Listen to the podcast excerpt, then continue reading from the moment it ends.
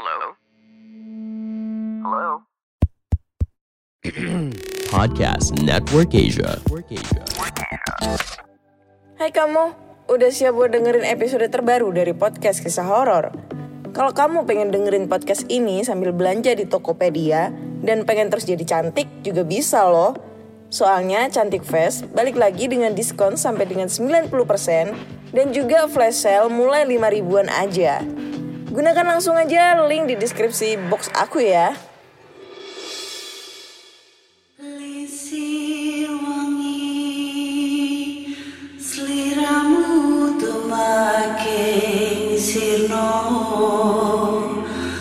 Ojo tangi kan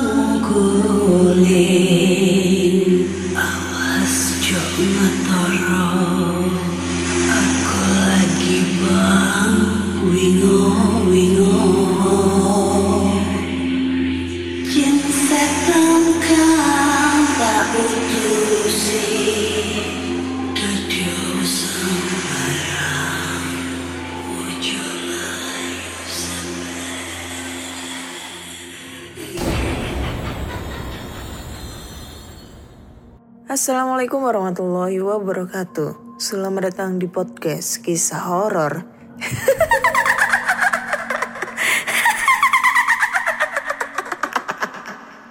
Ketemu lagi dengan aku Ana di sini yang akan membacakan cerita horor ataupun email berhantu yang sudah dikirimkan teman-teman melalui podcast kisah horor at gmail.com ataupun di Instagram podcast kisah horor dan Instagram Ana Olive serta Google Form yang linknya tersedia di bio Instagram podcast kisah horor.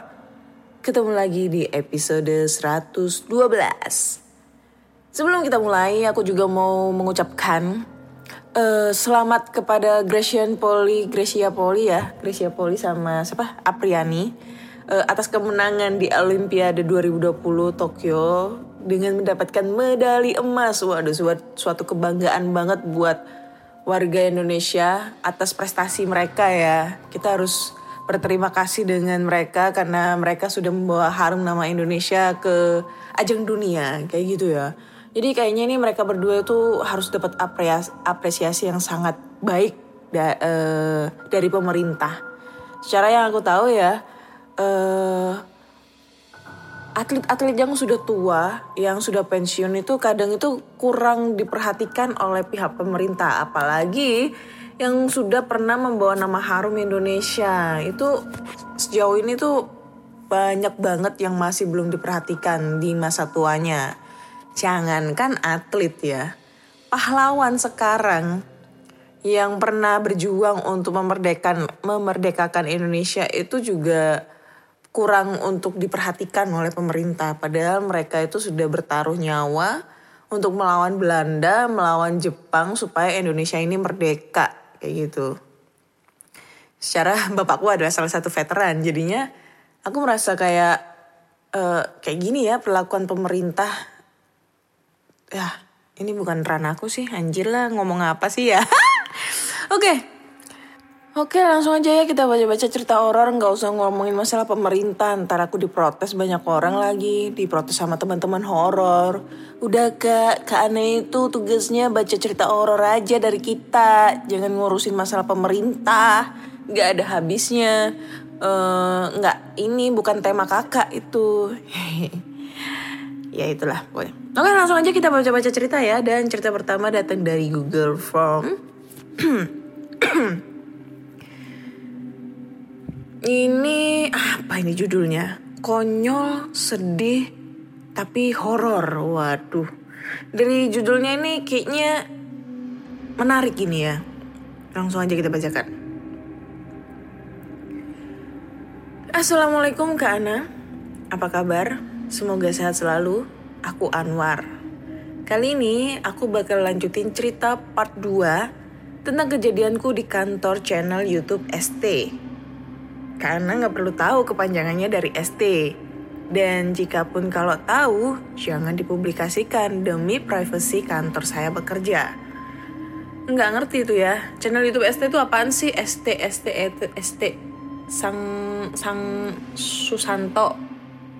Apa sih? Alah, nggak tau lah. Gue kasih tau lah Anwar, ST itu apaan? Anjir.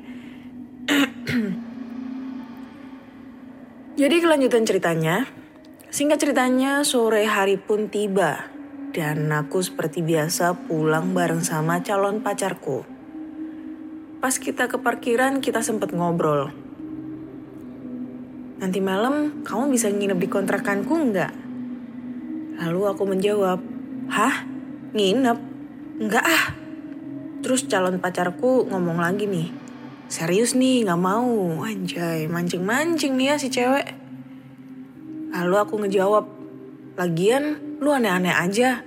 Pacar bukan, istri juga bukan, pakai ngajak nginep segala. Aku marah dong, harga diri nih bos. Heh, dodol. Maksudnya, kamu nginep di kontrakan, aku jagain kontrakan. Eh, maksudnya kamu nginep di kontrakan aku, jagain kontrakan. Aku mau pulang kampung dulu. Jangan aneh-aneh pikiran lu. Eh, dia ngegas dong ngomongnya. Walah, dikira mau ngajak ngobrol di kontrakan. Iya, modus lu Anwar.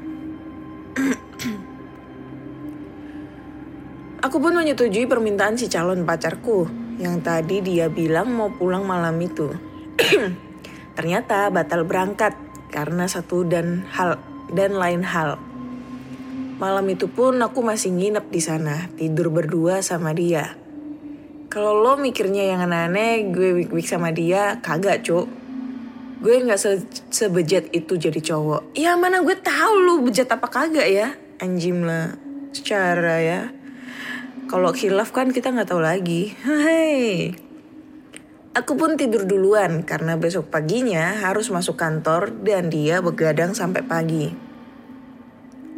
Pas aku lagi tidur, aku mimpi calon pacarku kecelakaan pas menuju ke stasiun kereta api. Yang aku mimpiin, calon pacarku sudah tergeletak bercucuran darah dari kepalanya karena terbentur ke aspal. Pas pagi harinya aku terbangun seperti biasa. Dan aku lupa tentang mimpiku semalam. Jadi aku gak ceritain ke calon pacarku. Selesai mandi dan sarapan, aku niat mau nganterin calon pacarku ke stasiun kereta api. Dan langsung berangkat kantor. Pas lagi panasin mobil, tiba-tiba mobil mobilku gak bisa nyala. Dan aku pun berpikiran positif. Ya elah malah mogok. Mungkin udah lama gak diservis, pikirku. Calon pacarku datang dan bilang, kenapa kenapa mobilnya? Tahu nih, mogok, susah nyala. Diganggu setan kali, mobilnya jadi susah nyala sambil ketawa. Iu cocote, ngomong gak dijaga, jangkrik. Pagi, pagi kayak gini mana ada setan, agak marah ngomongnya. Iya maaf, canda doang sayang sambil tersenyum. Sayang, ya Allah mimpi apa aku semalam? Ngomongnya sambil nunduk. Wis lanjut lakone. Aku pun pinjam motor temen. Kebetulan temanku lagi libur ngantor dan dia nganterin motornya ke kontrakan calon pacarku. Pas motornya udah dateng sama temanku, aku pun langsung berangkat karena takut ketinggalan kereta. Di jalan kita ngobrol ngalur ngidul dan pas di pertengahan jalan, tepatnya di stopan, anehnya jalannya itu agak sepi. Pas kita lagi nunggu lampu hijau, ada motor dari arah belakang yang maju lumayan kenceng terus nabrak kita berdua. Aku pun terpental sekitar 6 meter kurang lebih dan calon pacarku terpental 10 meter lebih. Di saat itu aku langsung bangun dan jalan sedikit pincang buat ngedeketin calon pacarku. Pas kurang lebih 2 meter jarak aku sama dia, aku langsung kepikiran tentang mimpiku semalam. Cetusku dalam hati. Ini kan yang semalam gue mimpiin? Gak mungkin aku masih belum percaya. Aku melihat calon pacarku bercucuran darah di kepalanya. Tepatnya di belakang kepalanya. Aku pun langsung telepon ambulans dan beberapa saat kemudian ambulansnya datang. Aku nggak mikirin motor ataupun yang nabraknya. Aku lebih mikirin calon pacarku yang sedang sekarat bercucuran darah di dalam ambulans. Yang menjadi aneh dan pertanyaannya adalah satu, motor yang dipakai hanya lecet seperti bekas kecelakaan biasa. Tidak ada bekas kecelakaan parah. Logikanya, kalau kecelakaan parah sampai aku dan calon pacarku mental, berarti tabrakannya sangat keras dan kencang. Tapi ini motornya hanya lecet biasa. Dua, kenapa aku cuma luka-luka biasa dan tidak terluka parah? Cuma kesleo tangan dan kaki yang kiri aja. Tiga, kenapa si, si tersangka yang nabraknya nggak ada? Kalaupun kabur, harus ada bukti motornya dong. Ini kok nggak ada barang buktinya. Bahkan bekas serpihan kecelakaan motornya pun tidak ada. Hanya ada bekas punyaku saja.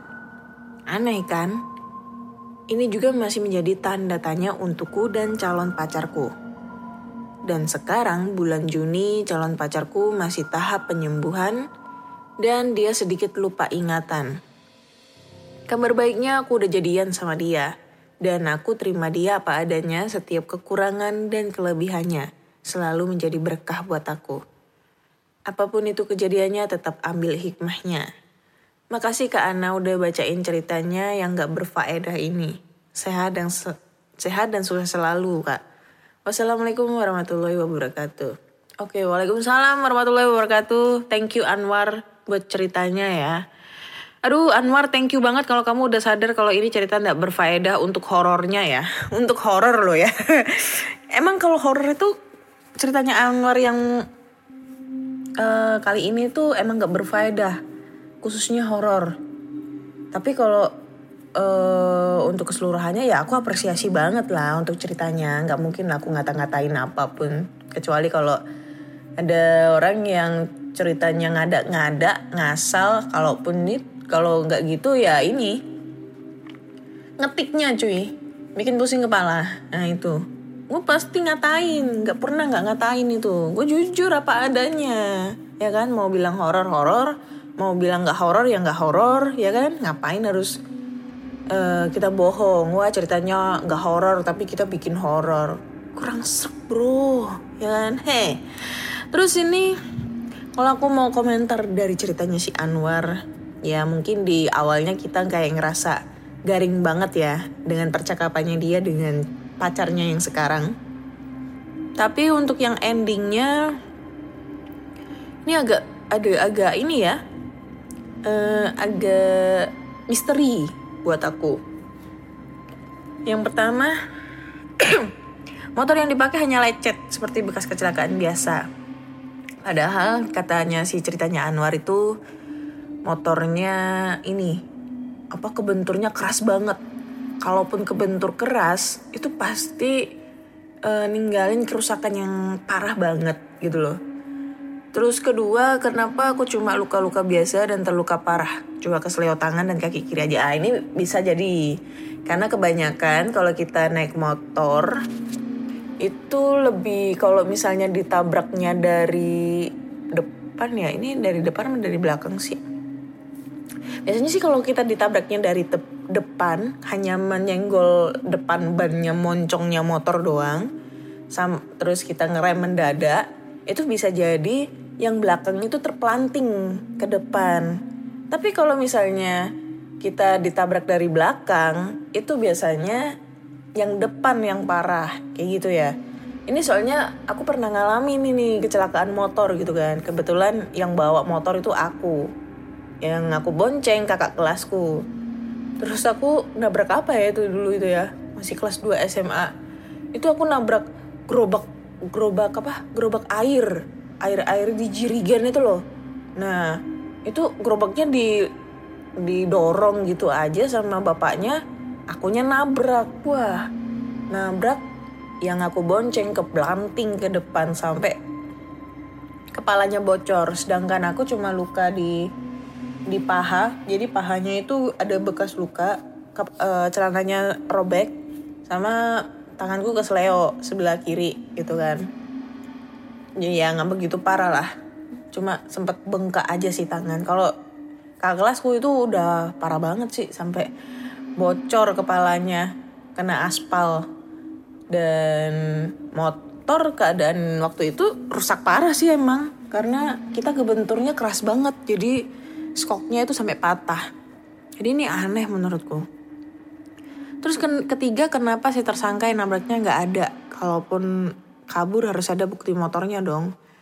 Eh, mungkin kalau aku dari sini membaca ceritamu mungkin pada saat itu kamu kan lagi gak nggak ngepeduliin si tersangka atau siapa pun dong. Dan biasanya nih kalau kita habis nabrak itu pasti takut. Karena disuruh ganti rugi takut dilaporin takut digerebek masa. Akhirnya kabur dong. Bener nggak?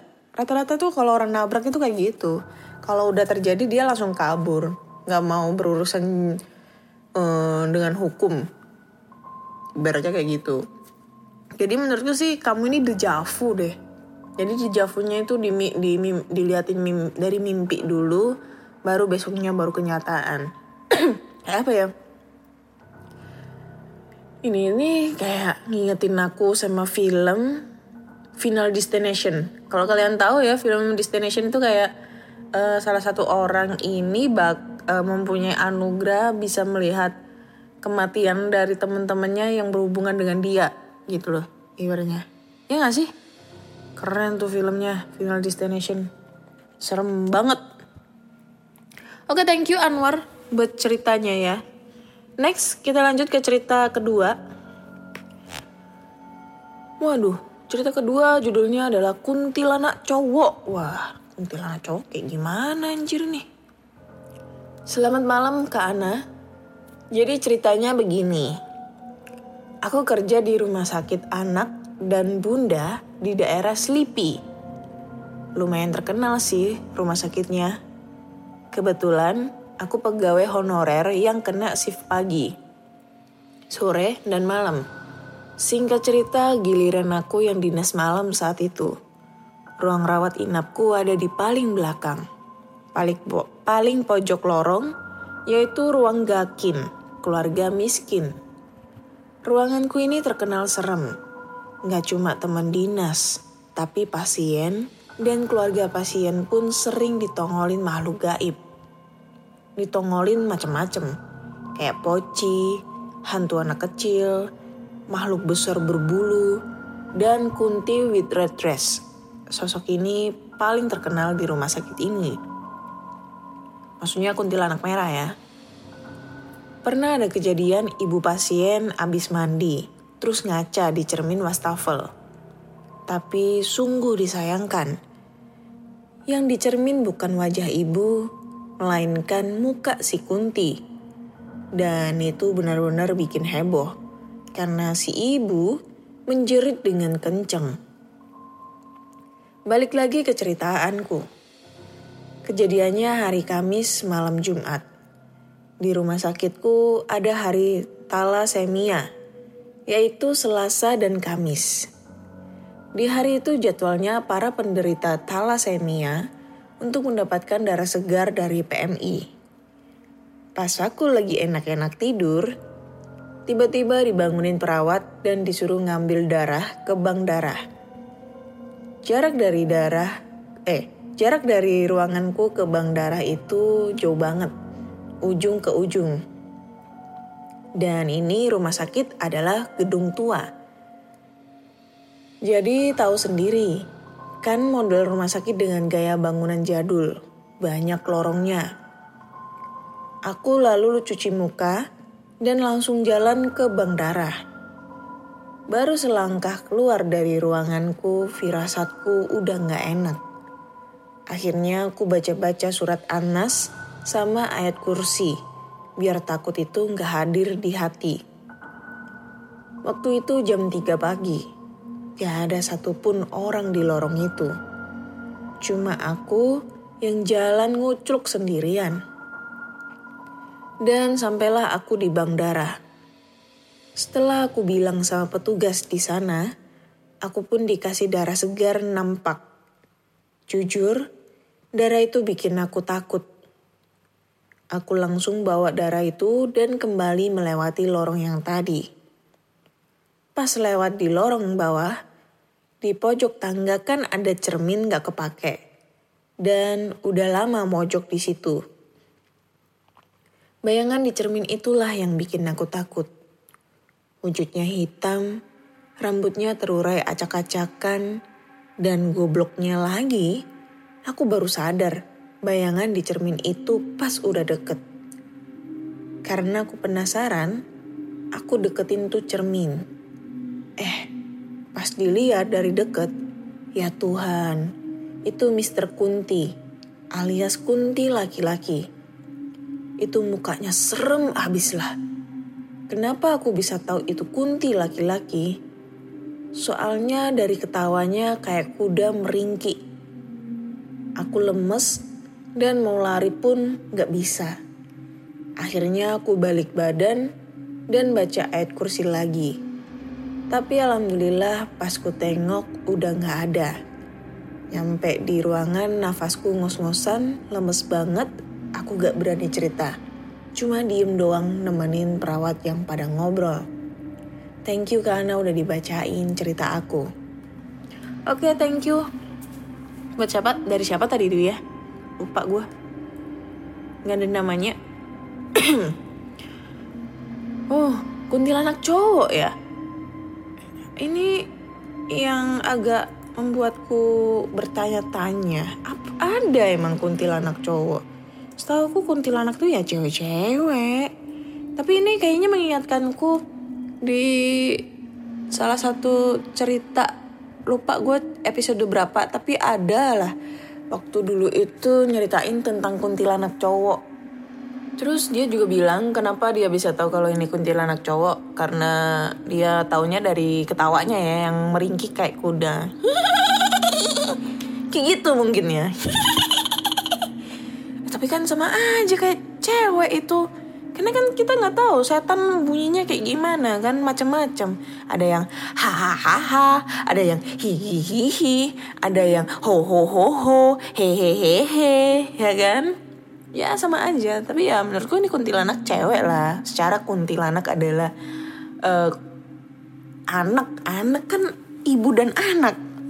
Terus berarti ini kuntilanaknya ini tepat uh, berada menghantui di rumah sakit ibu dan anak. Ya kan? Lalu aku penasaran nih sama rumah sakit ibu dan anak di daerah Selipi. Dan ternyata pas aku cek di Google itu gede banget rumah sakitnya ternyata. Gila beda sama rumah sakit ibu dan anak di Surabaya. Kecil kalau ini gede banget. Dan kayaknya terkenal banget ya. Ya nggak salah sih kalau misalnya ini apa namanya uh, dihantuin kayak gitu. Oke, okay. thank you ya buat ceritanya. Wah, apa tadi bilangnya kuntilanak cowok keren sih. Tapi menurut gue nggak ada deh setan kuntilanak cowok. Oke, okay, next lanjut ke cerita terakhir ya mungkin ini ya. Cerita terakhir judulnya adalah Pocong di bawah tiang listrik.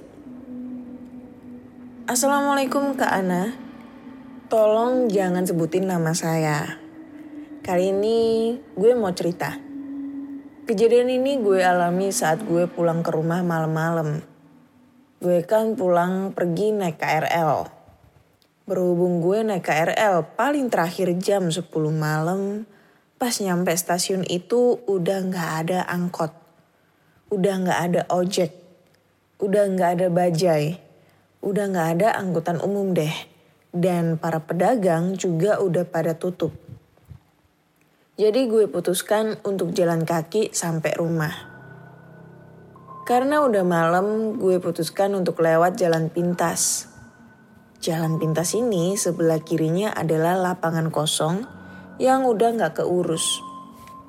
Banyak semak-semaknya dan sebelah kanannya adalah kebun pisang. Dua tanah ini sebetulnya dijual, tapi sampai sekarang gak ada yang mau beli. Jadi gak keurus gitu deh, atau lebih tepatnya pada gak ada yang peduli. Saat melewati jalan pintas ini, gue ngerasa kesadaran gue kok semakin lama semakin hilang gitu. Tapi gue paksain untuk tetap sadar. Gue pikir jangan-jangan ini ini karena ada makhluk halus yang nungguin jalan ini. Lagi pada ngeliatin gue. Makanya kesadaran gue kok kayak mau hilang gitu. Kali aja mereka mikir, ini kak, ini anak ngapain malam-malam lewat tempat kita? Untungnya di ujung jalan udah kelihatan lampu penerangan jalan umum PJU yang dipasang di tiang listrik. Tahu kan lampu PJU itu yang warnanya kuning suram, madesu aneh gitu. Saat melihat itu gue ngerasa udah aman nih. Tapi ternyata di bawah sinar lampu berwarna kuning madesu itu gue ngeliat ada sosok berkain kafan yang tengah berdiri melihat ke arah gue. Iya, kalian pasti tahu itu apa. Sosok makhluk yang oleh banyak orang disebut pocong. Sampai saat ini gue masih inget muka dia. Mukanya itu kayak kakek-kakek pucet, tapi nggak ada bola matanya. Wanjir. Astagfirullah, gue mau gue mau nggak mau harus ngelewatin tiang listrik itu. Karena belok kiri belok kiri udah rumah gue. Saat itu gue bener-bener lemes. Pantesan aja dari tadi kesadaran gue timbul tenggelam gitu. Ternyata di ujung jalan udah ditungguin sama pocong kakek-kakek. Ketika itu gue cuma bisa baca zikir dan tiba-tiba gue keinget ucapan sepupu gue yang pun yang emang punya indera keenam dan bisa lihat penampakan. Dia bilang hantu itu kalau dia sadar kita bisa lihat mereka. Malah mereka itu nyamperin kita.